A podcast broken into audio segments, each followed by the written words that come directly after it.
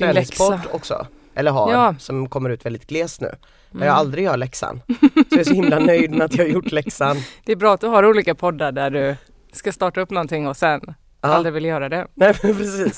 Men det här var ju väldigt teoretiskt och bra och det gick Ja. att göra från soffan. Just det, det passade dig. Det passade mig jättebra. Annars skulle du behöva ha en KBT-podd där Ja. du liksom lär dig att göra grejer. Det är nästa. Gå upp. Ja, vi fick i Ehm. uppgift att titta på stand-up och framförallt på den här dokumentären va? Vad Ja. den nu heter. Precis, den var väl det svåraste. Jag såg, jag rev av ganska snabbt där eh, Amy Schumer hade en special på Netflix Ja, och Sarah Silverman hade en special på Netflix. och kul vad duktig du har varit. Ja, och eh, nu kommer jag inte ihåg vad hon heter. Den sista. Det kommer jag inte ihåg sist heller. Jaha, du menar, men har jag glömt det också? Ja, Shu, just Nej. det, mm, Ja. den här asiatiska kvinnan. just det. Eh, hon hade, fick jag fulstreama, där hittade jag ingen annan. Ehm, Vad tyckte du då?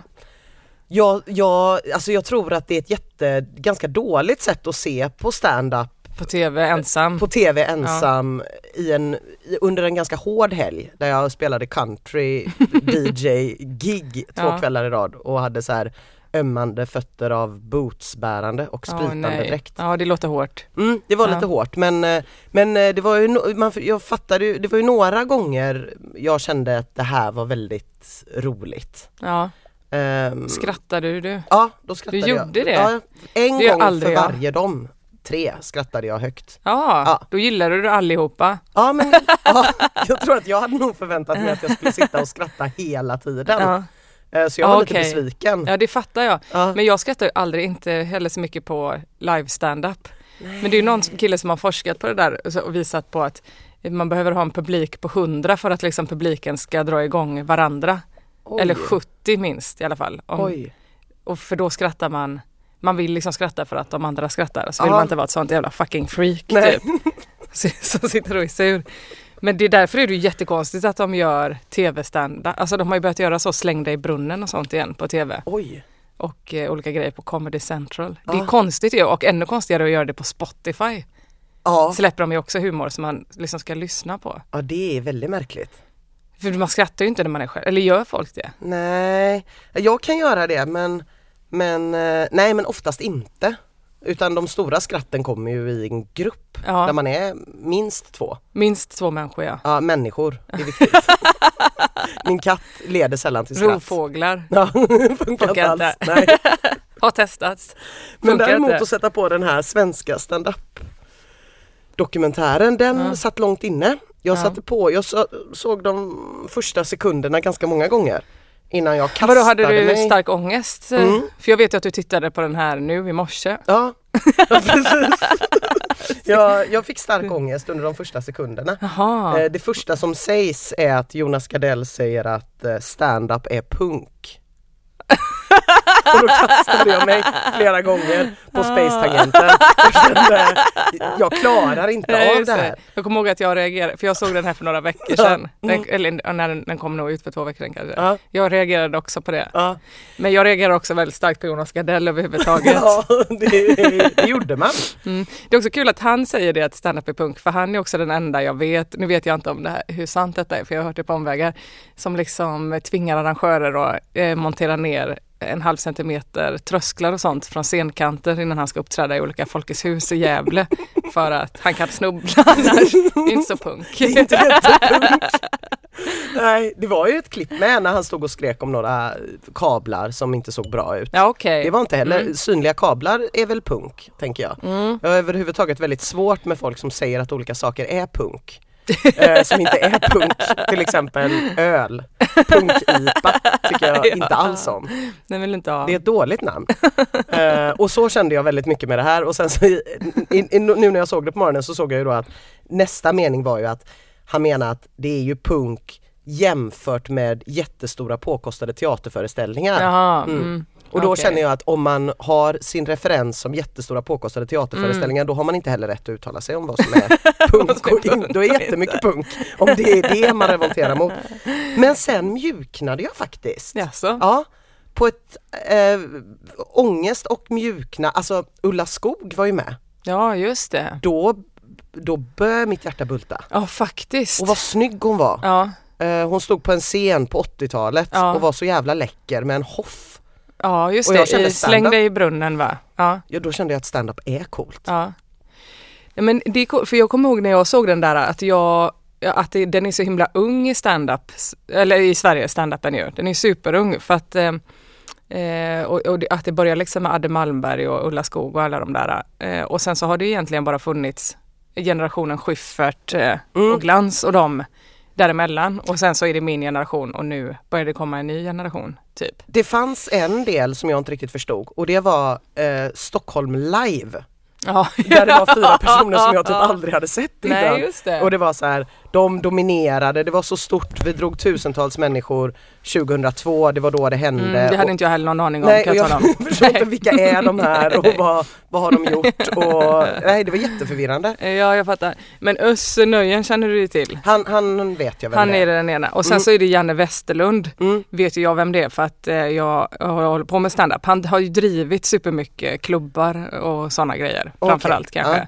Och sen Jakob Ökvist är väl också bara en sån eh, Stockholmskomiker. Mm. Och vem var den fjärde? Var det Mårten Andersson också? Nej. Nej. Eh, jag kommer inte ihåg det vad Thomas han heter Järvheden? uppenbarligen. Jag tror att han också var kurd. Det var mycket humor Just som byggde det, på att de var två. Shanachi var det. Mm. Han har man inte hört om på länge. Nej, Nej. nej jag, jag har inte hört om honom heller då. Jag, jag förstod inte den här delen. Nej, jag var verkligen inte heller med då. Men jag var ju 2002, då var jag eh, 14 år. Mm. Då tittade Och, inte du eh, på Stockholm Tyckte väl live. att det inte var så punk. Titta på olika killar på sig. Det är, det är också roligt för eh, de var ju också gubbar redan då. Ja, Eller hur? Mm, verkligen.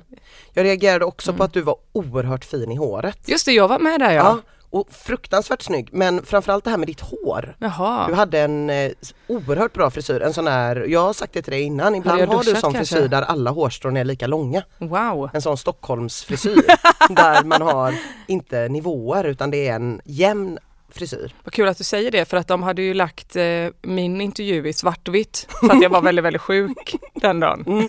Ja. Inte hade orkat sminka mig. Är det en komplimang om man säger att någon var väldigt snygg för att man såg dem i svartvitt? Nu jag känner jag mig inte. dum. Det ska du inte känna dig om, det var väldigt snällt sagt. Ja, vad bra. Okej, vad tänkte du mer på med den där eh, dokumentären? Det, det kändes också lite som att de här äldre, alltså typ Adde Malmberg och de är lite, lite kränkta över att de inte har fått mer cred, cred för att de liksom tycker att de ändå har hittat på, Stand-up. alltså tagit stand-upen till Sverige. Det där tycker jag, men jag tycker aldrig man kan få cred för att man har tagit något till Sverige. Jag tycker det är jättemärkligt. Det var samma sak när burgaren, den nya lyxburgaren kom. Ja. Den här som ligger i någon slags semmelbulle briochebröd. Ja, Med liksom, ja, att hamburgare inte bara var på McDonalds. Då öppnade de ju i Stockholm Flippin Burger. just Och det det. blev jättestort och folk var liksom väldigt lyckliga över att någon hade tagit det här till Sverige. Jag kan känna att man kan inte, man kan inte säga att det är så kreativt att ta något till Sverige. Jag tar ju ofta till exempel mangos från Indonesien till Sverige när jag hälsar på min mamma. Mm. Jag känner inte att jag förtjänar en... En, eh, ett tv-program om det. Nej, jag tycker inte det. Men det är också kul för de, jag blev också lite avundsjuk när jag såg den där dokumentären för att eh, det var ju väldigt mycket kretsat kring Stockholm. Mm. För, alltså det var ju bara Stockholm va, som Ja. de visade grejer från. Eh, och jag är ju fostrad i Malmö då och sen så var det ju också mycket från Norra Brunn. Mm. Eh, och hur mysigt det är där och eh, sådär. Och jag, har ju bara varit med om ett stort eh, misslyckande på Norra Brunn och sen aldrig kommit tillbaka. Jaha, vad Så då kände jag att den inte var så bred dokumentären Mm. utan det finns så mycket annan stand-up också. Det är ju lite det vi ska prata om med stilar och så också. Ja men då skulle jag vara förkomiker till eh, eh, Lenny Norman. som är det här gamla gardet också Mm. då, Adde Malmberg och dem. Jag och Adde Malmberg har ju också en, en lång beef. Oj! Eh, ja. Men inga sådana här stickspår som inte utvecklas. Nu måste vi ja, vi veta. tar den först då. Ja, vi tar den först. Ja men det var att eh, eh, jag hade min kompis Ola Selmén i Morgonpasset en gång och så har han ett projekt som heter Världens snabbaste allsång där de liksom ska sjunga eh, så många allsånger som det går på en timme typ. Mm. Och då så löste han någon sång, någon sån här gammal tåb eller det var genom att förskjuta ett ord hela tiden och då lät det lustigt för att Mm. det inte hängde ihop med melodin. Ja du fattar. Mm. Och då ringde Adde in och var helt vansinnig för att eh, Ola hade snott Addes skämt. För det där hade han gjort en gång i början på 80-talet. på en fest. Vilket är omöjligt att veta såklart. Jättesvårt. Och det är också ett sånt här, eh, och Ola sa, ah, förlåt det var liksom inte meningen, jag trodde att det här var en gammal snapsvisa, Mm. typ att man gör så här på det här sättet. Nej det här står, jag skriver om detta i, det är den här Sams Boron en liten by förutan gata. Det här har jag skrivit om i min standup-bok som också kommer från början av 80-talet, säger Adde. Och så kollar vi i standup-boken och då är det att han sitter vid skylten Samboron Att han har varit där, det är helt, helt enkelt det. Jaha. Ola har snott och sjungit om någonting där, en plats där Adde Malmberg har varit. Han är jättearg. Eh, och då så drog jag igång en grej, för, för det värsta som kan hända när man eh, blir utsatt för satir eller för skämt Mm. på något sätt, det är ju att visa att man är kränkt. Ja. Eh, men det förstod liksom inte Adde riktigt utan då satte jag igång ett så här, om, man, om detta är skämt, detta som Adde påstår det här med att man har varit i Samboron Ska vi kolla lite på vilka andra grejer som Adde tycker är skämt och så spelade jag liksom upp eh, riktigt tassiga grejer som, som han har gjort eh, förr i tiden som liksom är, ja, inte jättekul, som han kanske själv också vill glömma. Mm. Och då blev han ännu argare Ja. såklart, helt rasande, Ja. krävde offentlig ursäkt och sen så pågick det där hela sommaren. Jaha. Eh, Krävde offentlig ursäkt. Ja precis. Mm. Mm. Så vi skulle gå ut och säga förlåt för allt och sådär. Ja. Vi gjorde inte så att vi har liksom en sån beef som ligger och bubblar. Mm. Mm. Eh, och nu jag får aldrig mer komma till Norra Brunn.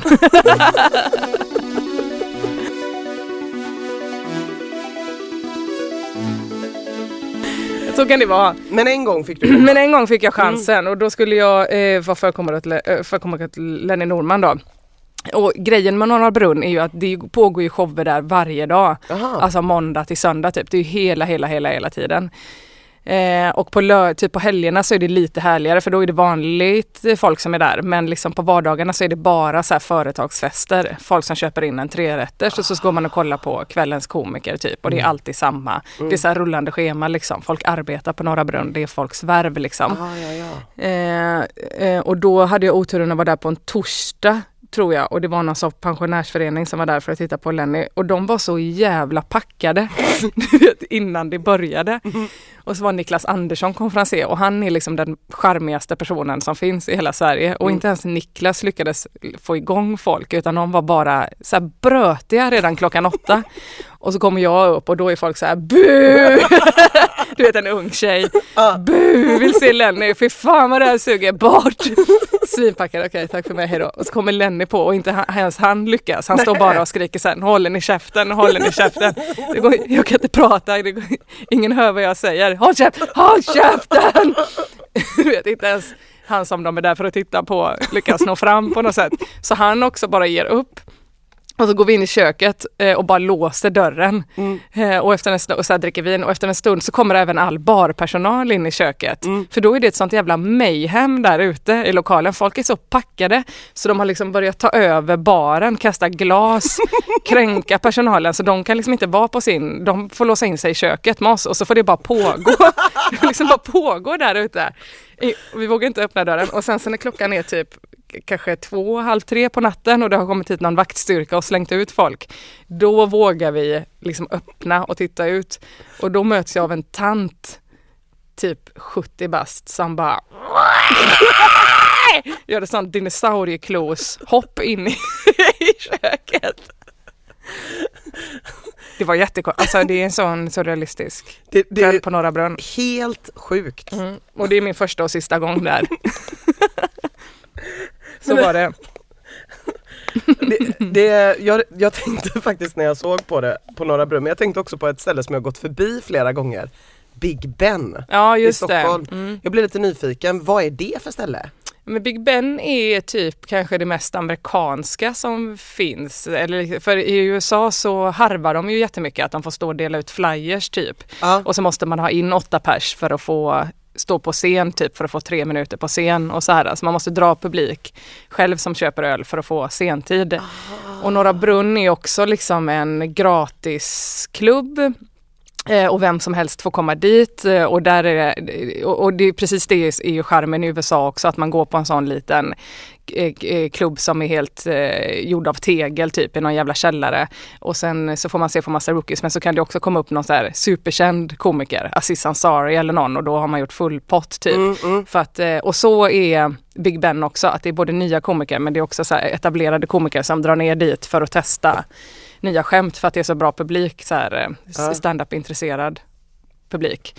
Eh, och då bara, nu tror jag att det funkar så att man liksom anmäler sig och skriver hej, jag vill, alltså så att det har blivit lite exklusivt. För det finns ju jävla mycket komiker nu mm. eh, som håller på. Och fler ska man, det bli. Och fler ska det bli. Så att man måste typ skriva så här, hej finns det plats ikväll? Typ. Ja. Och så får man ett ja eller nej. Och ja. så eh, lite så, kan du ta med dina kompisar? Ja. Så är det, där kanske du ska vara också ja. Mm. Ja, jag Men jag ju... tror att det är både är, eh, jag tror att det är ganska tufft där också. Jag har ju uppträtt där jättemycket i början när jag började och att de ser ju så mycket skit och bra grejer så att eh, det är en ganska ärlig klubb, alltså man får betalt efter hur bra man är typ. Ah, okej. Okay. På något sätt. Ah. I skratt alltså. Oj. Ja för det var jättejobbigt när de visade eh, hon som var i USA. Ja Cissi Wallin ja. Och ingen skrattade. Nej just det. På hennes kurs, hon var på en mm. kurs. Det var, det var jättejobbigt att se. Ja. Uh, nu börjar jag klia mig väldigt mycket på armen, det gjorde jag då med. Jag kröp ihop i hörnet i soffan. Ja. Uh, jag försöker liksom fundera och vara vridigt och vändigt lite på den här ångesten ja. som det innebär för att veta lite mer vad det är mer än bara ångest. Och nu kryper du in i din egen t-shirt. ja. Men, det var, men jag, när, de berätt, när jag var med och intervjuades för den, då sa de att de skulle följa Ann Westin och Cissi Wallin. Ah. Men Ann Westin var inte med så Nej, mycket. hon var med Babben lite bara. var med en del. Mm. Men mm, med Cissi, ja men för Cissi var nog precis när hon började i USA ja. Och, det, och då tyckte jag det var så kul, jag vet, vi kanske pratade om det här förra gången. För de sa så här, vi kommer inte fråga frågor om hur det är att vara tjej i den här branschen och så, för det gör alla andra. Pratade vi om det sist? Nej. Eh, och jag bara, fan vad gött. Eh, då slipper jag svara på det mm. mer. Typ. Så här. Istället så kommer vi följa två tjejer så att det ser ut som att det är jämställt. Ja. det blir också jätte, jätteskevt. Ja. att det ser ut som att det är ja. hälften brudar. Det, det, var mycket, inte... det var mycket tjejer med. Ja men de eh, ansträngde sig för att få med men det var ju typ eh, Ja det var jättemycket tjejer med mm. och så mm, ser det ju inte ut representationsmässigt. Så såg det inte ut på Saturday Night Live, nej förlåt, Stockholm Live. Nej. Nej. Där var det oerhört mycket män. Ja, men Cissi Wallin är ju kul på det sättet också för hon eh, jag tror att det finns massa anledningar till att tjejer inte håller på med standup. Det, mm. det var vi nog på. Att man liksom lär sig från början att eh, inte vara obehaglig och mm. så är det liksom det obehagligaste man kan utsätta sig själv och andra för. Ja. Och sen också att vara i en bransch där det bara är killar och det är så här ganska hårt, ja men som överallt annars där att jag tror att det är fler som slutar liksom mm. eh, medan killar är mer, ja men man får ju också bara en chans typ. Så här, är du inte kul nu så kommer du aldrig bli kul. Medan uh. för killar är det mer okej okay att stå och suga år efter år efter år efter år på något sätt. Men där är Cissi Wallin, hon har en så bra mentalitet som är någon slags killmentalitet. Att hon inte ger sig. Nej. Utan att hon är alltså bara så här ganska eh, metodisk i så här, jag ska bli bra på stand-up. Ja. Och jag har också rätt att eh, inte riva hela tiden Nej. utan så här, få knata och kämpa på typ. Men det är jävligt skrämmande tycker jag för att man vill ju vara bra. Mm. Liksom. Jag tror att eh, alla människor som tycker att det finns någon slags lockelse i att stå på en scen ja. vill ju vara bra. Uh, och det är ju extremt jobbigt om och vill att andra ska tycka att man är bra. Ja, och så man står där och ingen tycker att man är bra och man märker det men måste fortsätta. Ja. Det måste vara så jävla jobbigt. Ja, usch. Ja jag ja, fick jättemycket ångest när jag tänkte på det men jag har också tänkt lite på det här för jag tyckte att det varit lite jobbigt ens att säga att vi ska göra den här podden mm. till folk. Eh, men jag har också märkt att alla jag säger det till i min egen bekantskapskrets och i Majerna reagerar ungefär likadant. Det vill säga med någon slags förfäran, illa dold, illa dold förfäran. Eh, och alla Vad människor roligt. jag känner som inte är i min bekantskapskrets och från Majerna reagerar med glädje och upp, uppmanande liksom hurra-rop. Varför är det så tror du då? Ja, För att alla som jag har sagt det till blir bara jätteglada över att du ska stå på scen. Jag tänkt lite på det. Jag tror att i min bekantskapskrets så har man inte den här kul att du kör attityden utan man har mer den här glöm din dröm attityden och den är ganska stark liksom. Okej. Och den har befästs från att man var eh, väldigt eh, ung. Men vad konstigt för alla i Majerna och i din bekantskapskrets tänker jag håller på med det de vill göra. Ja, ändå. Trots att, de ständigt, trots att man ständigt trycker ner varandras olika ambitioner. Och eh, Ja, det är märkligt. Ja, men många gör det. Många Ja. gör ju inte det. Eh, men jag tror att det är olika kulturer. Jag ser liksom framför mig att det finns parallella verkligheter där alla går på så här teaterskolor och, och är så här schyssta mot varandra mer. Eh, för jag tänkte lite på det när jag såg de här olika eh, stand-up grejerna och så kände jag att det finns en sak jag skulle känna mig extremt trygg i av allt det här osäkra. Och det är om någon skulle dissa mig i publiken. för jag vet att jag skulle kunna dissa dem tillbaks. Eh, mycket värre. Det, för det är ju en komikers, alltså de flesta komikers allra värsta mardröm. Ja. Att bli häcklade. Ja. För att det är så här, äh, ja det, det är det värsta man kan bli utsatt för typ. Det är jätteroligt att du säger att det är det bästa. Ja, ja, det, det, skulle, det skulle jag nog kunna liksom uppträda i någon slags VM i till och med tror jag. Ja. Jag tror att jag, jag kan vara väldigt elak på väldigt kort tid.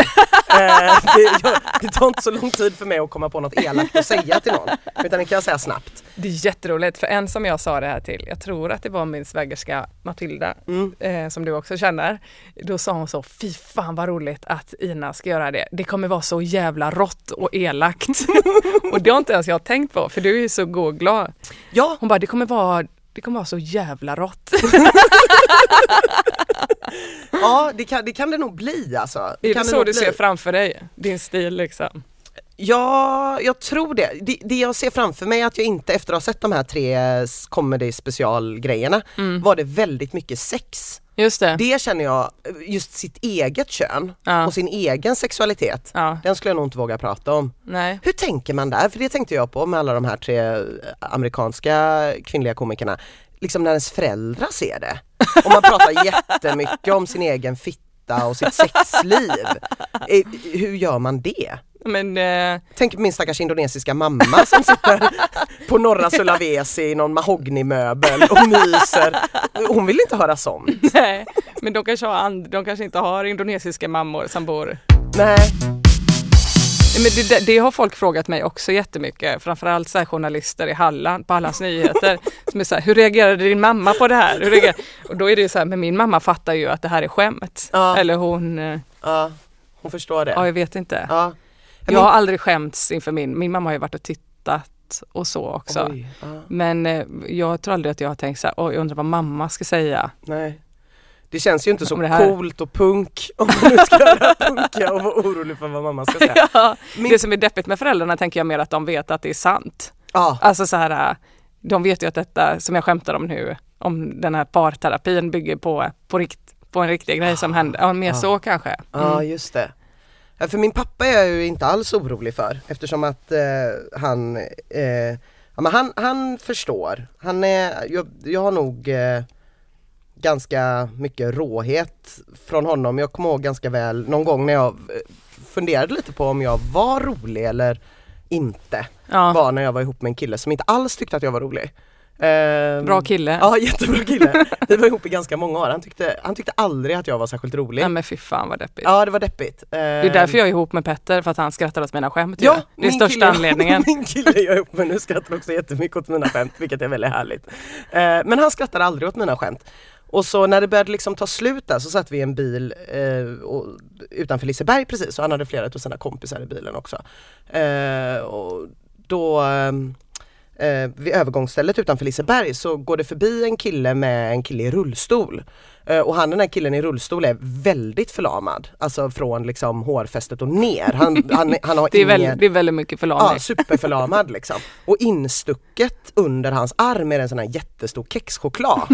Och vi sitter i bilen och väntar på att de ska gå över och det är en ganska speciell syn liksom. Han rör på hårrötterna bara. Ja, precis. Och jag kände att jag måste, eller jag vet inte om jag kände någonting men jag, det bara for ur mig typ och så sa jag så här, ja herren ger och herren tar. Och då blev det helt tyst i bilen. Och då var jag lite så här, hörde de inte? För det är nog enda gången, eller första gången i alla fall jag kan komma på att jag tyckte så här, men det där tyckte jag var ganska kul. Och så ser jag mig omkring och så tystnad och arga ögon. Och sen åkte jag hem till min pappa senare på kvällen Ja. och återberättade detta och, Och var han så tyckte här, det var roligast. det var ju väldigt konstigt och så sa han, du Just kan inte det. vara ihop med honom längre. Ja, För det var roligt sagt. det var roligt sagt Ja. ja. Det kändes bra ändå. Men det, det känns också pappa. som att det, om du skulle ber- återberätta exakt den händelsen med Mm. skämtet så, här är ner och här är tar. Eh, så skulle, tänker jag också att det skulle ta, mottas så himla olika beroende på vart du var någonstans. Ja, Alltså för du har ju, precis som jag, så hade, när jag började så hade jag ganska mycket mandat att skämta om olika saker. ja. För att jag var liksom arbetarklass och eh, eh, tjej. Mm. Ehm, och så här, så att jag, jag kunde typ till och med skämta om handikappade på något sätt och ändå inte slå neråt. ja. För att man märkte, för att jag hade några politiska skämt innan som visade så här, Ja. jag tycker inte det här egentligen. Nej. Eller, du förstår att det handlar om hur man planterar det på något sätt också. Då Ja. känns det som att de i bilen redan hade bestämt sig för att du var dum i huvudet. Ja. Eller, Ja, det hade de eller nog. på ja. något sätt. Eh, Det hade de nog. Eller älskade de, Nej, de, jag, jag var upplevde de inte väldigt att svaga för handikappade Nej, människor? jag upplevde inte att det var där skon klämde för det kan jag ju såklart fatta. Att så kanske man inte ska skämta. Eller så ska man det, det vet jag inte. Men det finns ju, jag kan ju komma på fler opassande saker man skulle kunna säga men eh, det var nog inte där skon klämde. Nej. De, Nej. det var nog bara väldigt sådär att det var liksom De umgicks inte med tjejer och tjejer var inte kul. Nej, okej. Och ja. ja, det var väldigt oklart varför han ville bli ihop nu när jag tänker efter. Eh, men då kan man ändå, så, här, så min pappa skulle jag känna mig lugn med men jag tänkte på det när Ja. alla de här tre uppträdde bara helvete vad säger mamman? Vad säger, Vad säger mamma? morsan? Ja. Men du, jag tänker också att du har ju också mandat, du som har en indonesisk mamma kan ju också skämta om eh, om det till exempel. Ja. Alltså du har ju rätt att säga kränkande rasistiska saker Mm. lite, lite mer. Ja. Du hade haft ännu mer om det var, hade varit liksom svart såklart. Ja. Men, men lite grann så kan ju du skämta, det skulle inte jag kunna göra som Nej. är så supervit och superblond. Nej just det. Så jag tänker också att eh, beroende på hur skämtet mottas och vem som är offret i skämtet också beror på vem som säger det på något sätt. Det har ju hänt någonting där fattar man. Att, Så det hade varit lättare för skämtet om du hade ett brutet ben. Eller, eller jag glutenintolerans här, åtminstone. för jag är glutenintolerant. Jag får skämta om multihandikapp, Jag jag, är är glutenintolerant. Ja. Nej, men jag, det såg man ju också i, i eh, programmet där. Peter Wahlbeck skrattade, liksom gjorde någon sån här invandrarhärmarröst. Vilket Just ju det. kanske är typ det absolut tråkigaste som finns. Ja. Inte nödvändigtvis för att det är så oerhört kränkande utan mest för att varje gång någon härmar en invandrarröst då Ja. tänker man ju på alla jättetråkiga killar man gick i skolan med som skämtade så. Men det blir buskis då, Ja, tänker jag. det blir väldigt det tråkigt. samma skämt, om någon annan hade sagt det, hade kunnat vara ett politiskt eh, starkt samhällsskämt. Ja. Mm. Men eh, när en vit man gör det så blir det buskis. Det blir väldigt buskis Ja. och så gör man väl inte längre? Eller gör folk så fortfarande? Lite grann så. Är det så? Ja, beror, beror på vart det är. Men, ja. Men jag tänkte på det med mamma också, att det, det är också så här roligt att se mammas utveckling på något sätt. För att mm, mamma var ju, när jag började med stand-up Mm eh, så var hon hela tiden så här, "Ja, men har, du, har du träffat Anna-Lena Brundin då? Har du träffat Anna-Lena Brundin? Att det var liksom måttet på framgång om man hade träffat Anna-Lena Brundin. Mm. Och så vet jag att hon var och tittade på ett av mina jättetidiga gig eh, som var på Societetshuset inomhus i Varberg. Mm.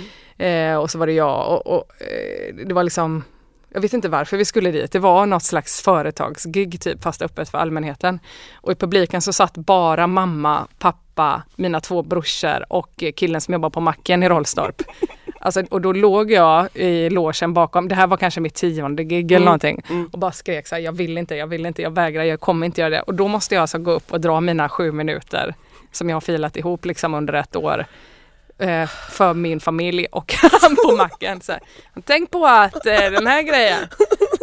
Och mamma, och, du och mamma är så nervös att hon, alltså jag, jag kände så mycket smärta med min mamma då att hon, Mm. jag ser liksom hon sitter och tänker så här vad har min dotter gett sig in på? Tror hon på riktigt att det här, att det finns någon framtid i det här? Tror hon på riktigt att hon kommer få träffa Anna-Lena Brundin? ja, vi måste ringa en terapeut på måndag eh, och det här kommer aldrig gå liksom.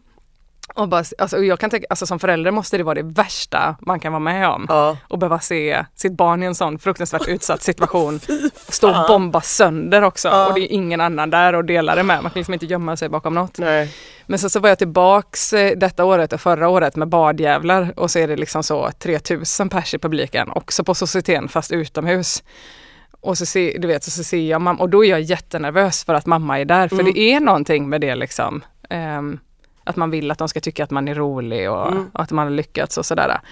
Och, och, och då ser jag liksom min mamma stå och slappna av för första gången och det finns människor runt omkring som skrattar och att hon liksom får bekräftelse i så här, ja men det finns andra, Emma har inte träffat Anna-Lena Brundin men, men det finns andra som tycker att det hon gör är okej. Ja, ja, Så här, det, var, det var väldigt fint på något sätt. det låter Och väldigt få bra. vara, fick komma tillbaks och att hon nu typ eh, börjar slappna av lite i att jag jobbar med det här. det löser sig. Ja.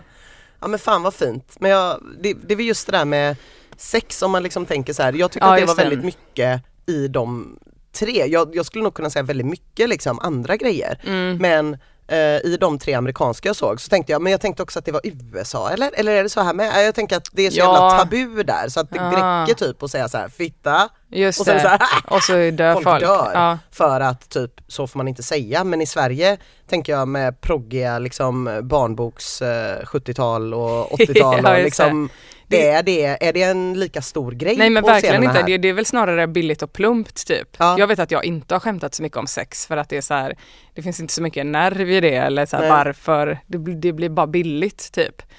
Eh, Men det är också lätt att göra det, alltså för att folk tycker att det är kul med så här under bältet. Ja, Ehm, att det är någon slags lätt utväg. Tror jag. Men det är väl också skitbra att du sitter och kollar på grejer och tänker vad du inte vill göra. ja, Det, det är ju nästan bättre än att tänka på vad man, vad man vill göra. Ja, men- För det där gjorde jag jättemycket när jag började också. Det där vill jag inte göra och Nej. det där vill jag, tycker jag inte är kul. Och, och då, jag tyckte också att det var lite tråkigt att det var amerikanskt för du sa det att du ser inte så mycket på amerikanskt nej. och det kunde man ändå känna att så här, de här referenserna det är ändå inte ens nära verklighet. Jag tycker det är mycket roligare om det är saker som faktiskt man ser och hör och, Ja, och att det refererar till olika grejer. Det blir jättekonstigt om man inte kan referera till någonting om man ska det. skämta liksom. Ja. Då blir det ju bara prutta med armhålan, det är det enda man kan göra som Slapstick. Ja precis, om man inte kan ha några referenser typ. Och Nej, så.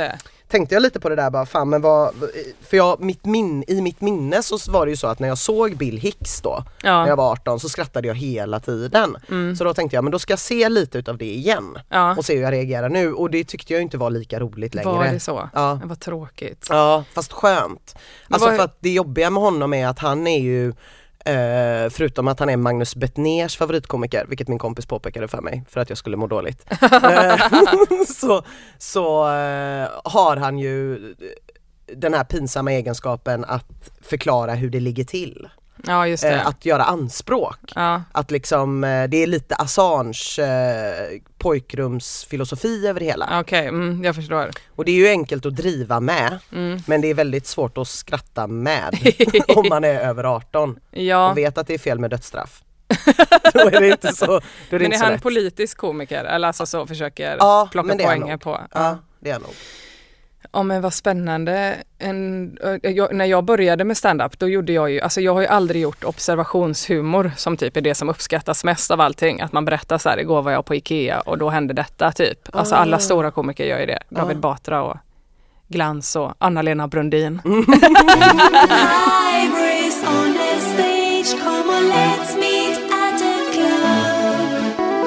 För jag tycker att det också är det svåraste. Att jag kan liksom inte förstå hur någonting i min vardag kan vara kul för någon annan. Nej, Förstår du? Men det måste, det, det är det bästa för att man förstår också så direkt att detta är sant.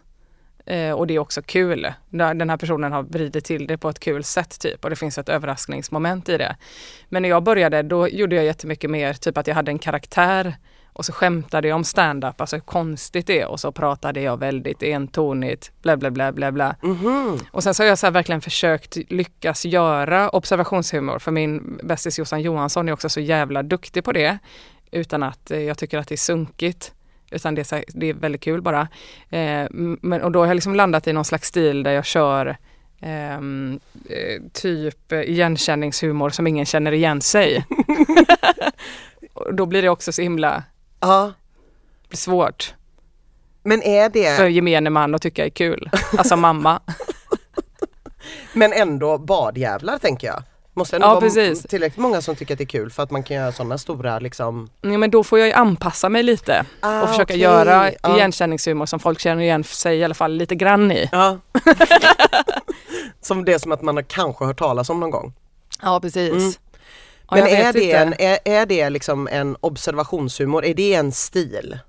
Ja jag skulle nog säga att det är en stil Mm. men att det också är typ skillnaden. Nu har inte jag sett Bill Hicks Nej. men skillnaden är med Bill Hicks och Magnus Bettner att jag nog skulle kalla det snarare typ politisk humor. Eller det är ju också observationshumor bara Mm. det att den inte landar i en själv utan den, det, det handlar om typ någonting man har läst i Aftonbladet. Ja. Eller att man tycker att Aftonbladet är en dålig Tidning? Tidning. Ja. Mm. Eh, så jag tycker att Magnus Bettner är roligast när han skämtar om någonting som är personligt typ för att det där andra har man hört så himla mycket. Mm. Förstår du Mm. jag menar? Ja. Men ehm, ja, men jag tror att alla stora komiker är, så, alltså, håller på med observationshumor. Seinfeld är också jättemycket det. Men är det, för om jag ska håna Seinfeld så säger man ju alltid så här: What's the deal with airplane Exakt, peanuts? det är exakt är det, det jag- observationshumor? det är observationshumor. Varför är tågen alltid sena på SJ? ah. Varför är flygplansmaten så liten? Ah, ja, ja, Är det. Leif Pagrotsky som ska äta den? Alltså så, och det går ju hem i, Jag skrattade nu. det går hem här. det, går, det är ju det som går hem i stugorna. Kan är jag det bara inte? skratta åt lyten och men? Det känns så nu. Och så typ, ja men David Batra är ju ute på turné nu och skämtar om sin fru Anna Kinberg Batra och det är ju också observationshumor. Ja, Så, här, så här har jag det hemma. ja. Eh, konstigt när Säpo står utanför dörren om han eh, låtsas att man har locktången som skjutvapen. Så här vardags eh, Mm, mm. observationshumor. Den kan ju ingen känna igen sig i. Nej. Nej, jag tror att du och jag har ganska svårt att känna i, Ja, jag vet inte. Men jag tänkte, eller kanske inte politisk humor, men åsiktshumor. Ja. Det är det Magnus Bettner håller på med. för det, där kan jag ändå känna att jag har väldigt lätt att ha åsikter. Ja. Ja, det är nog min superhjältekraft. Det är att kunna häckla människor är jag bra på. Jag kan tycka jättestarkt Ja. om väldigt lite. Men, alltså jag behöver väldigt lite underlag ja. för att ha en väldigt stark åsikt. Mm. Men det också, blir också konstigt om, för jag tänker satir skiljer sig jättemycket från åsiktshumor också. Ja, För att i satir så är ju skämtet det viktigaste på något sätt. Det finns en anledning till skämtet, alltså det finns en nyhet eller någonting. Eller någon slags rörelse i samhället. Och sen så blir liksom skämtet det viktigaste. Men jag tänker typ som, ja men Soran Ismail kör väl också lite så att det viktigaste är, det ska vara roligt såklart, men det är också viktigt att få fram den underliggande åsikten i det här ah, skämtet. Ja, ja, ja, ja mm, just det. Ja, det blir ju jobbigt att titta på tycker jag. Till slut. Ja, För att det är man, det är ju ganska svårt att göra det utan att utge sig själv för att vara, då är det ju inte bara som att man går ut på en scen och utger sig själv för att vara en fruktansvärt rolig människa, vilket man gör i och med att man kallar sig själv komiker. ja. Utan man går också upp på en scen och utger sig för att ha svar på saker Ja, som är det. Nu ska jag jättekomplicerade. berätta lite hur det är. Ja precis! Ja. Det skulle vara kul om en kvinna gjorde det i och för sig, för jag har inte sett det. Nej. Nu ska jag berätta hur det funkar här i samhället. Det är så himla enkelt för mig att göra. Men sen tänkte jag också på Ann Westin som du nämnde förra gången. Så tänkte jag så här, det är ju egentligen observations... Hon berättade om när hon jobbade som sjuksyrra och sådär. Men hon har ju en twist i det och jag tror att det är därför du och jag älskar henne. Eh, älskar ett starkt ord. Mm. därför vi tycker om henne så mycket. För att hon också är absurd. Ja, Och det är ganska få som är det. ja, Att det är så här observationshumor med en absurd twist på något sätt. ja. Det är kul ju. Det är ju jättetråkigt när man vet vad de ska säga. Så tyckte jag det var ganska mycket när man såg de här amerikanska. Okej, man ja, du kan räkna ut poängen. Man, precis, man börjar fnissa ganska långt innan poängen kommer. Just det. fan vad drygt det lät, för jag är så smart. men eh, men det, det är ju jättehärligt om man inte vet det.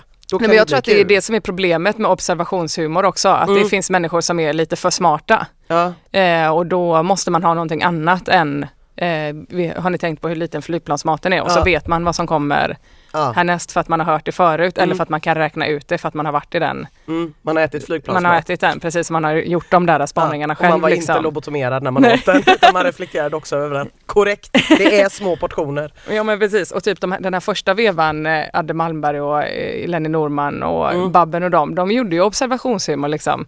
eh, eh, eller observationsstandup. Men jag tänker att jag har utvecklats lite i takt med att det kommer smartare människor. det finns ju också två stycken surrealistiska komiker i Sverige Aha. eh, som inte är så kända för att, de, för att det är omöjligt att förstå. Henrik Elmer och Sandra Ilar. Okej. Sandra Ilar var med, var hon med i dokumentären? Nej, hon var inte med i dokumentären. De gör liksom superknasig humor som inte går att eh, känna igen sig alls i. Henrik Elmer skojar mycket om så här att man ska eh, limma fast en eh, tub med majonnäs på en räv och så får man bara följa med på någon sån jätte- jättekonstig fantasiresa. Och eh, Sandra Ilar är mycket att hon driver med stand-up som form typ, att hon bara står och skriker. och, så, Ja. och så är det bara one-liners Ja. typ. Så det blir jätteknasigt och det skulle ju aldrig gå att ställa. Typ eller? Ja men lite, det är så här eh, eh, varför har alla i skidlandslaget eh, likadana jackor på sig? Är de med i någon slags klubb eller? Slut på skämt. Och det tycker jag är, alltså det är ju det roligaste jag vet. Mm. Och hon är också så här komikernas favoritkomiker för att hon gör något annorlunda. Men helt omöjligt att sätta upp på typ badjävlar. Ja. Men på Norra Brunn, eller? Gör, gör, gör Jo, men det, sånt där? det som är grymt är att, att det har blivit, för innan, om man typ ska hårdra det, så har det funnits Stockholmskomiker och Malmökomiker. Ja. Och Malmökomikerna har stått för den lite så smartare humorn Mm. och lite så annorlunda former och så. Medan Stockholmshumorn då har varit den här typ observationshumorn, ska funka för alla, ska vara lite fräck kanske, man ska få ligga på den, på de skämten Mm. Ja. helt enkelt. Eller Mårten Andersson ska få ligga. Ja, Någon ska få ligga. Någon ska få ligga. Och, det, och det som är kul är typ att det har ändrats ganska mycket för att de som bodde i Malmö också har flyttat till Stockholm. Så Ja. att eh, Sandra Ilar till exempel är med i den här nya Släng dig i brunnen och sådär. Men får också ta ganska mycket skit för att folk är så här, vad fan är detta för Ja. någonting? In med Lenny för i Ja helvete. precis. Så att det är i, i Men eh, där blir man ju nyfiken för du säger Stockholm och Malmö. Vad, Göteborg finns inte med här. Nej men eh, Göteborg, det var så himla länge som Göteborg inte hade en humorscen. Mhm. Men nu är det det, det är jättemycket, jag skulle kalla det typ eh, unga flummiga eh, killar med charm. en ny genre som håller på att växa fram i Göteborg. Okej, ja.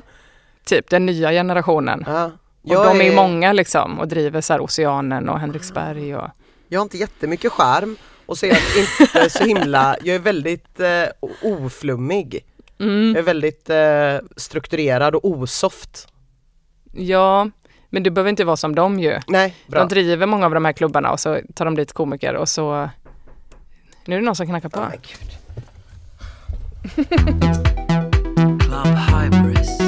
Jag vet inte vart vi var. Nej, där, jag kan ju, Ja. vi blev ju avbrutna för att den här studion är även lager och det var ju lite bra för då fick du ju se in action här hur min instinkt alltid är att vara ganska otrevlig mot folk. Eh, Men om någon kommer in och säger ursäkta och så Mm. säger jag ja. Då säger inte jag eh, det är lugnt. Nej jag säger inte det är lugnt utan jag står och är sur och så säger de vilket härligt samtal ni verkade ha. Ja det hade vi. Vad kul. Du och jag är ju motsatser till varandra Mm. med det. Jag är ju otroligt konflikträdd. Ja. Igår till exempel så, vi har köpt ett torp. Så Mm. skulle vi skriva på eh, kontraktet idag, 27 hade mäklaren skrivit till mig. 27 13.30 ska vi ses. Absolut sa jag. Och så ringde han igår och bara, var är ni någonstans? Och jag bara, men vi ska ju ses imorgon. Eh, nej men det var ju idag. Eh, jag har skrivit fel datum till det i så fall. Nu sitter banken och skogssällskapet och jag här och väntar. Och då blev det direkt så här, gud förlåt. förlåt mig. Jag- Gud vad jobbigt. Åh, Ja. Det måste vara jättejobbigt för dig. Han var så här, men det är mitt fel. Ja, det måste vara jättejobbigt för dig nu. Och Mm. du är så mycket meck med oss. Det är en egenskap jag har som jag inte tycker om så mycket. Nej, Men sån är jag. Ja, jag, jag har ändå samvete så, så att jag kan liksom säga taskiga saker och så såg jag att han, han blev lite, han sa gud vad jag skäms. Mm. Väldigt mycket han med kepsen Mm, där. mm. Och då kände jag att jag var tvungen att gå efter och fråga om de hade glömt något. Just det. Men instinkten är ändå alltid elakhet. det känns lite jobbigt ibland. Men jag undrar vad det skulle kunna vara för genre. Ja. För jag tänkte på typ eh, en, en, en sista genre är också så provokationshumor som jag tänker att Sarah Silverman håller på jättemycket med. Tänkte Okej. du på det när du tittar på henne? Nej. Alltså mycket så här skämt om eh, rasism och genus och Ja. sexuell läggning kanske. Ja. Men är inte, ah, nej det är den inte. Jag var nära på att säga att det är inte all humor provoktionshumor. Nej. Men nu insåg jag att det kanske är det jag tycker är roligt. det har jag sagt om alla grejerna. Men Men- jag tror att typ observationshumor är mer till för så att alla ska vara glada, inte trampa någon på fötterna, Ah. skämta om saker som inte Mm. är känsliga för någon. Nej, Jag tror att typ Henrik Schyffert har gått från att göra observationshumor till att göra provokationshumor. mm. Han eh, eh, har liksom vänt om på något sätt. För det är ju ett, såklart ett billigt sätt att få folk att, att skratta. Men jag vet att om jag kommer igång och får prata utan att någon avbryter mig, Ja. eh, då blir det alltid väldigt dåligt till slut. Alltså det blir bara värre och värre. Jag säger bara värre och värre saker. Och till slut säger jag jättedåliga saker. Eh, det är väl någon så här, ja jag vet inte riktigt men det är väldigt bra när folk avbryter mig i ett samtal på till exempel krogen. Mm. För det blir alltid äcklade miner till slut när man bara sitter och liksom pratar. Men vadå, är det för att du är aggressiv eller? Nej, det är väl bara för att jag jag vet inte varför det blir så. Det kan ju vara alkoholens påverkan också. Det kan det absolut vara. Eh, men jag, ja, jag söker nog konflikt i väldigt många av mina samtal. Senast igår spännande. var jag inne och sökte konflikt på TLH, den här hifi-butiken på Övre Åh Husargatan. nej. Då var jag där Och jag får hjärtklappning nu Ja. när du säger det. Då skulle jag köpa uppladdningsbara batterier och så stod jag och tittade på batterierna med hörlurar på. Eh, lyssnade på Den svenska musikhistorien, en fantastisk podd på P2. Eh, jag är framme vid eh, medeltiden nu. Eh, och så stod jag och lyssnade på det om gamla kyrkosånger och så kommer det fram en man och frågar om jag behöver hjälp och då blir jag oerhört arg. Eh, för att jag tänker att batterier kan jag köpa. Eh, så jag sa nej, jag vet vad jag ska ha för batterier. Alltså, säg till om du behöver hjälp. Var, var det någon som jobbade där? Ja, Okej. Ja. så egentligen fanns det kanske inte så mycket Så att bli rimlig, provocerad av. rimlig kom- Ja, kommunikationen inte jätterimlig kanske men, men i det då så gick jag där och eldade upp mig och tittade och då gjorde jag någonting, kanske mitt mest osympatiska drag när jag är inne i butiker. Jag vet inte vad, jo, jo tack mamma, jag har fått det här av min mamma. Eh, om jag är inne i en butik och känner mig utsatt då, vill- då går jag fram och påpekar brister i deras sortiment. och då jag är ganska bra på att eh, komma ihåg saker och snöa in på grejer. Så oavsett om det är ost eller te eller teknik eller eh, musik eller vad det nu kan vara. Så är jag väldigt bra på att gå fram och peta på den här ömma punkten och fråga om de har något som jag A. vet att de inte har och B. vet att de vet att de borde ha. Det är jätteroligt. Jättekonstigt! Liksom, jag var på väg till att göra en superprofessionell intervju med ett arkitektkontor för en podd jag producerar för Business Region Göteborg. Så jag förstår inte varför jag liksom gick in där och muckade när jag hade tio minuter över. Och frågade, eh, jag såg att ni inte har Geneva men ni hade det förut va, det här schweiziska märket? Ja, jo vi hade ju det men deras eh, väntetider, ja det är klart det förstår jag. Men den här Touring L Eh, den som eh, nya radion där som är helt i eh, läder och, och stål. Det är inget ni tänker ta in eller? Alltså det finns ju inte riktigt, alltså jag har ju sett den, den är ju väldigt väldigt snygg liksom men det finns inte riktigt, eh, du vet såhär, nej men ni kör ju ändå lite premiumprodukter här, borde ni inte ändå ta in, borde ni inte ta in den radion? Alltså det är jättekonstigt liksom och jag har tänkt lite på det det senaste också för jag inser att jag förväntar mig nästan alltid att folk, att bli attackerad i Okej. olika sammanhang. Så jag går ju och bygger upp väldigt mycket aggressioner varje dag. Sen så uteblir konflikterna. Men Då måste du få ut dem på någon. ja, en gång En var jag en gång var jag jättearg när jag skulle gå hit till jobbet under Way Out West för att jag inbillade mig att det hade varit en efterfest här och att det skulle vara massa fräcka stockholmare som skulle behandla mig illa när jag kom på morgonen. Så jag hade förberett ett långt försvarstal om hur värdelös deras bransch var och hur äckliga de var som hela tiden ville gå till den lite fräckare festen och att deras eh, slut och deras död skulle bli inuti en liten liten svart låda längst in på VIP-området för att de hela tiden ville gå till den fräckare festen. Och, hade förberett, och sen var det ingen här.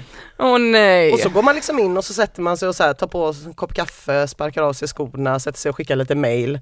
Och så har man byggt upp allt det här i onödan. Du får ta ut det på någon annan sen. Ja, Men det sjuka är ju att jag gör ju exakt likadant. Att Mm. jag ser Typ om jag parkerar och så ser jag så här, okej nu kommer den här jävla gubben komma fram till mig och säga, fråga om jag vill ha hjälp med parkeringen. Och då bygger jag också upp, då ska jag säga det här. bla. Och så kommer han fram och då säger jag, nej tack snälla för att det, för att det, det är det som är skillnaden tänker jag. Ja, Kanske, blir du, eh, kanske kommer du skapa en helt ny stil. där jag bara muckar. Sveriges första, du är liksom häck, du borde egentligen sitta i publiken och häckla. Men istället tar du upp på scen och häcklar alla andra. Det kanske är en jätteskön terapi för dig också. Ja det hade varit jätteskönt Ja. faktiskt för jag har ju väldigt många liksom färdiga utskällningar som jag inte har fått hålla. Men man vet ju inte vad du kommer ha för stil förrän du har börjat Nej, skriva och så ju heller. nej. Man behöver inte bestämma sig för det heller. nej, det behöver man väl inte. Vilken Men, tycker du ver- verkar mest lockande? alltså, Förutom tyckte- meme. Vad sa du? Förutom meme. Vad gör man då? Kommer med en powerpoint, visar olika memes. Inte, inte meme att man står, låtsas att man står i en låda så. Ja, meme! Mr. Jag trodde du menade meme. Memes trodde jag det trodde hette. jag du menade. Att man bara gick upp och visade sina bästa ner. inte det. Nej, Mm. meme. Meme, nej inte meme. Uh, fysiskt, det tänkte jag på. En del ramlar och håller på. Ja just det, Det var- slapsticks. Ja, Mm. oh jobbigt. Eh, jag har inte så Johan rolig- Glans gör ju det jättemycket. Mm, men vissa har ju kanske rolig kropp. Jag tycker Mm. inte min kropp är så rolig.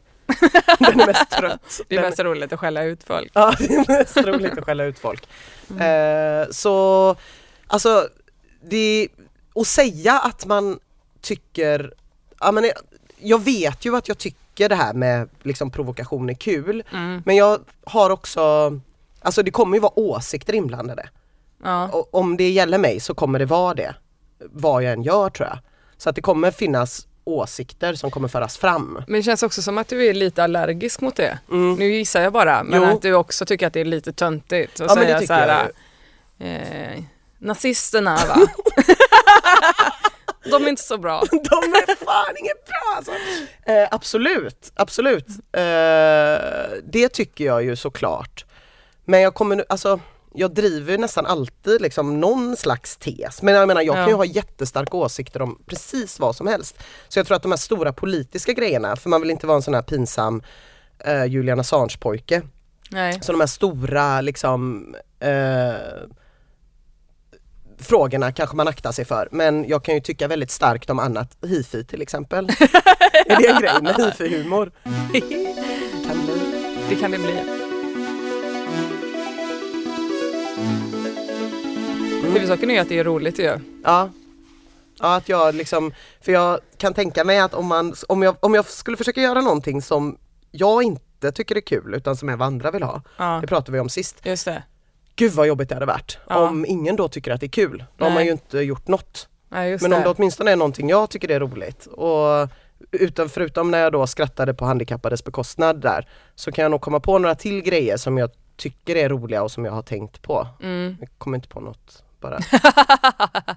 Men jag säger också ganska, jag försöker göra observationshumor, så här, skämta mycket om mitt barn och sådana saker. Fast på ett annat sätt typ. Men, men eh, det är också svårt, tycker jag, det är också svårt att så blanda stil. Ah. Och alltså blanda, nu säger jag något, nu, nu berättar jag lite saker från min vardag och nu helt plötsligt ska jag ha en lång aggressiv eh, utläggning om p-piller här där jag också ler och är blond. Mm, Så att mm, jag kan vara lite aggressiv för att Ja. jag ser också gullig ut. ja. Det, det, kan, det, det tycker jag är svårt. Ja, det är det också nog. att jag blir så här, att jag skulle vilja ha ett enhetligt Men- material på något sätt. Men hur stor utsträckning, du hade ändå någon slags så persona låter det som, eller du hade liksom ändå en karaktär? Mm, Jag hade det i början för att, dels för att jag inte visste vad stand-up var för någonting men också lite så här för att skydda mig. Mm, Att det är inte jag som gör detta. nej. För det, eh, Och sen just så här om någon pratar med mig då dör jag. om någon skriker något från publiken. För det tror jag inte jag skulle, jag är liksom inte skådespelare. Så. Nej. Jag hade nog haft svårt att gå in i något annat. Ja det tror jag också. Ehm, Det skulle också vara väldigt synd om du gjorde det eftersom att du är härlig. Så jag tror jag får vara den jag är Ja eh, och så får jag se vad det blir. det tror jag också är det bästa. Vad tycker jag är kul? Ja, Eh, och så får man lita på det på något sätt. ja. Att andra tycker, eller så får man lära dem att det man tycker är kul. Jag eh, gillar är ju, jag gillar ju kyss väldigt mycket. Men det är också väldigt mycket på andras bekostnad. Jag inser Ja. det nu att allt jag tycker är roligt handlar om att jag är taskig mot andra. Slå neråt. Ja, men lite så. Min kompis Kajsa till exempel, hon Mm. är så här eh, teaterrecensent, kulturskribent, eh, ord och bild, DNs kultursida. Eh, jätteduktig eh, på allt och jättesmart och twittrar en massa intelligenta saker hela tiden. Och eh, hennes eh, Ja hon är stor, har liksom stort följe på sociala medier och sånt och alla uppfattar henne som en otroligt nyanserad och intelligent kvinna. Eh, och jag tycker det är jätteroligt att face-rapa henne till exempel. Eh, och då brukar jag alltid lägga upp bilder på just Julian Assange eh, och skriva Free Assange. Det tycker jag till exempel är jättekul. En annan sak som jag tycker är jättekul är att säga till folk som är i affären med att de ska köpa saker som de inte vill ha jättehögt och skämma ut dem på olika sätt. Som att jag ofta säger till min kille om vi är i affären ihop eh, Kolla, nu har de äntligen fått in zigzag-tablettasken. Du som alltid säger att den är så himla kult. Och så skrattar alla på Majorna, ingen skrattar, men han mår jättedåligt. Eh, jag gjorde också det när vi var på Pressbyrån för inte så länge sedan, när de hade en bok av Elon Musk. Så sa jag till Jakob, Jakob här är ju en bok av Elon Musk som du tycker är superinspirerande. Eh, det är alltid på någons bekostnad ju. Du gillar att göra bort folk. ja, jag gillar att göra bort folk ja. Jag gillar att, att, att vara pinsam. En gång spred jag ut på en festival att Kajsa hade genomgått ett könsbyte och egentligen hette Kaj. Eh, och det var en hippiefestival. Så det var jättemånga pårökta pojkar som kom fram till henne och sa starkt på natten. Eh, det tyckte jag också var jättekul. Men det är ju jättetaskigt. jätteroligt. Ja, Åh, svårt med stand-up bara. Stand-up är ju någon annan slags kul. Ja. Det är svårt att göra pranks på scen. ja, Men det kan man ju göra också i och för sig. ja. Eh, Vad heter han som eh, bara var ett stort prank, hela han, och bara så här gjorde svinkonstiga grejer och skämtade, låtsades att han dog och sådana saker. Jag vet inte. och det här borde jag ju veta. Superspeciell komiker. Mm. Peter Wahlbeck är ganska lik honom. Ja, Så bara stå och prata om solsystemet. Folk bara kastade grejer på honom och så, gå av. Nej, jag, Det blir underbart. Det, det, ja, no, Mm. någonting, eh, nå- någonting på någon annans bekostnad kommer Du får ju slå bli. neråt också för att du är kvinna. Det är bra. Lite grann får du. Mm, mm. Ja, men då, det ska jag nog ta fasta på då. Ja. Det finns ju en komiker som heter Petrina Solange Mm som jag är väldigt avundsjuk på för att hon är så jävla rolig men hon är också eh, lesbisk kvinna, svart och har alla diagnoser som går att ha. Så hon, Ah. har, hon har liksom frikort och skämta om vad som helst. Det är ett smörgåsbord. Det är så hon har sånt jävla smörgåsbord. Ja. Ja. Inte på något sätt annars i livet. Nej, helt värdelöst på alla andra plan. Men där är det men bra. på scen. Ja, Mm. jag kanske får skoja mycket om Elon Musk då. Det är ganska roligt att säga Elon Musk. Ja, det, är roligt. Ja. det är också viktigt att hitta roliga ord bara. Ja, Det skäller Jossan på mig ofta och säger så här, du måste eh, lägga det roligaste ordet sist, fattar du väl? ja. Det blir konstigt. Mm. Mm. Ja men entreprenörer, ja nej det kan nog finnas någonting där. Någonting kan det finnas. Ska vi, du kanske ska börja skriva helt enkelt? Hur gör man det? Mm. Jag såg på dokumentären så skrev Henrik Schyffert inom parentes skratt.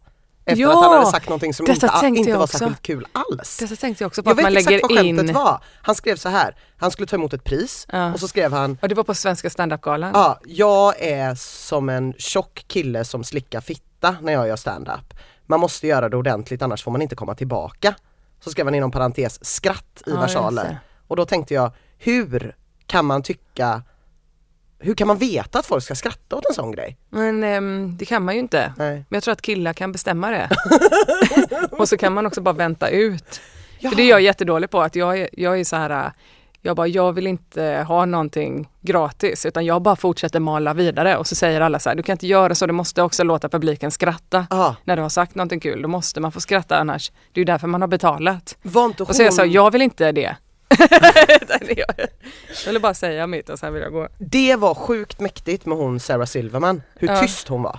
Mm. Det tänkte jag på när jag Precis. såg henne, jag bara, hon, hon säger fan inte mycket. Det är här hade någon coolt. annan Mm. riktigt liksom osäker person gjort Ja. på en tredjedel av tiden. Just det. Och eh, ja, det var imponerande bara att stå på en scen och vara tyst. Ja, Tänkte jag. det Fan, skulle jag aldrig mäktigt. våga, för konflikträdd för det. Ja, Fan vilket självförtroende man måste ha alltså. ja. Eller veta, man kan ha ett dåligt självförtroende men veta att man är jätte, jättebra på att vara taskig mot folk. jag kanske det jag ska göra, jag ska bara gå upp och vara tyst och invänta att någon säger något Att någon taskigt. häcklar. Det är faktiskt en bra strategi. Mm. Det är jätteroligt det. Men det är också kul för, med publiksnack och så, det är det värsta jag vet. Det har jag också skojat om, att hur dåligt, alltså att man bara så här, ja. Vad jobbar du med då? Ah. Eh, om jag är, jobbar som flygvärdinna och så plockar man inte upp det. att folk förväntar sig det så himla Ja. mycket. Det känns också så himla 80-tal Ja. att eh, jag ska gå och bli häcklad typ. Jag tyckte också det kändes väldigt 80-tal att det satt en flygvärdinna i publiken. Det är något väldigt Ja, det är 80-tal över det yrket. Ja. Men det är också en konst i sig ju att Mm. prata med publik. Det är ännu större konst att häckla dem. jag blev häcklad en gång när jag var förkomiker till Magnus Bettner. Så var det någon som skrek så, för jag skämtade om mina pattar. Jag skämtar visst så nu Mm. då, kom jag på. Jag har skämt om pattar. Och så han bara, visa pattarna då för fan. Eh, Och då har Magnus alltid på sina föreställningar, han har alltid nyktra tillställningar. Det går liksom inte att köpa alkohol och så. Och det ska vara teatersittningar. Alltså ganska Oj. olikt hur resten av stand-up eh, Ja, ser ut. Sådär. Folk men just tycker att man är mycket roligare när de är fulla. Ja men precis och det är så klubbmiljö ofta. Men han är så och då, och då blev jag så här, det där har jag ju funderat på hundratusen gånger vad jag ska säga om någon säger något så sexistiskt. Det har ju tusen svar på det. Men istället så bara, "Nej, inte idag kanske, hej och då gick Magnus upp direkt efter och bara, vem var det som sa det? Du Ah. ska ut härifrån. Eh, jag skiter i om du har betalt, du kommer inte få pengarna tillbaks. Du ska ut och alla vi kommer vänta på att du har Ah. gått ut härifrån. Och då bara önskar jag så här, varför kunde inte jag sagt det? Ja. Men det går ju inte. Jag har liksom inte den pondusen överhuvudtaget. Nej. Men det är ju svårt. ner mig. Alltså det är ju svårt. Vissa grejer är ju svåra. Mm. Liksom. Det är ju bara så. Det är ju, när som helst kan man ju helt plötsligt känna sig jättesvag. Men jag är jätteglad därför att du ska börja med detta. Mm. Ja men jag kan nog oftast ha kvar det. Men jag, Mm. om jag inte får ut det direkt så kommer jag ta ut det på någon annan. Ja, Typ någon som jobbar i en butik och säljer radios eller någonting. Så det är ju inte bra. Så att jag får försöka få ut det direkt om någon är taskig. det är bra. Mm. Du, eh, nästa vecka då? Ja. Du tänkte jag att du ska få testa det här med överraskning. Som Aha. jag pratade om. Det är Mm. ändå det som humor bygger ju på. Att man blir överraskad. Eh, och så blev inte du det. Nej. när du titt- tittade på massa grejer. Så du ska få en superenkel uppgift som bara är att du ska ta med dig en tidning. Det är också sjukt 80. Ja, en tidning. Och så ska du hitta någonting i den tidningen som du tycker är kul. Ja. Eh, det kan vara bara en mening eller en hel artikel eller en rubrik. Ja. Eller en bild kan det vara också. Du får inte ta serien. det blir för lätt. Då är det bara att ta med GP och visa på dagens. PS och säga den här finns fortfarande.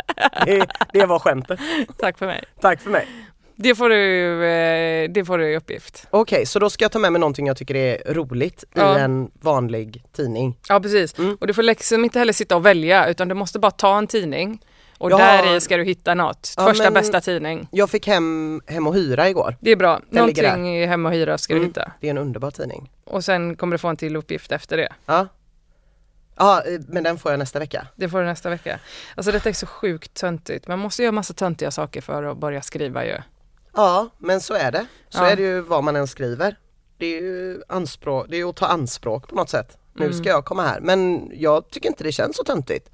Jag försöker visualisera Ulla Skog i sina Oh. oerhört eh, kaxiga tights och sin hoff och sitt våfflade hår och hennes 80-tals goddess look. Hon var så jävla rolig också, det Ja. de visade. Jag Mm. visste inte ens att hon hade kört Nej inte jag heller. Jag hade ingen aning och jag tror att det var det för jag har sån enorm respekt för henne. Ja, precis. På så sjukt många olika plan Ja. och så då tänkte jag så här, ja men shit typ. Det, hon har ju liksom, om, om inte det är för fult för Ulla Skog, om inte Ulla Skog tycker att det är för töntigt att stå på en scen och försöka få folk att skratta, då ska fan inte jag tycka det är töntigt heller. Ulla Skog har okejat din stand-up-karriär. Ja, hon kanske inte vet om det, men jag, jag känner hennes välsignelse. Men så är det ju också, nu har vi pratat jättemycket om olika stilar inom stand-up, Ja. men det finns ju också massa olika humorformer också. Alltså stand-up är ju bara en av många humorformer, Ja, tänker jag. Och också den töntigaste av allihopa. Det är tusen gånger coolare att skriva serier eller eh, göra satirprogram på radio, tänker jag. ja, Än att liksom, ja det är ju, det är, ja, det är, det är en oerhörd pinsamhet inbakad i hela ja det är det konceptet. faktiskt. Men vi skulle kul göra det coolt va? Eller du skulle göra det coolt? Men Du skulle göra det coolt. Ja. Jag ska sluta. Ja just det.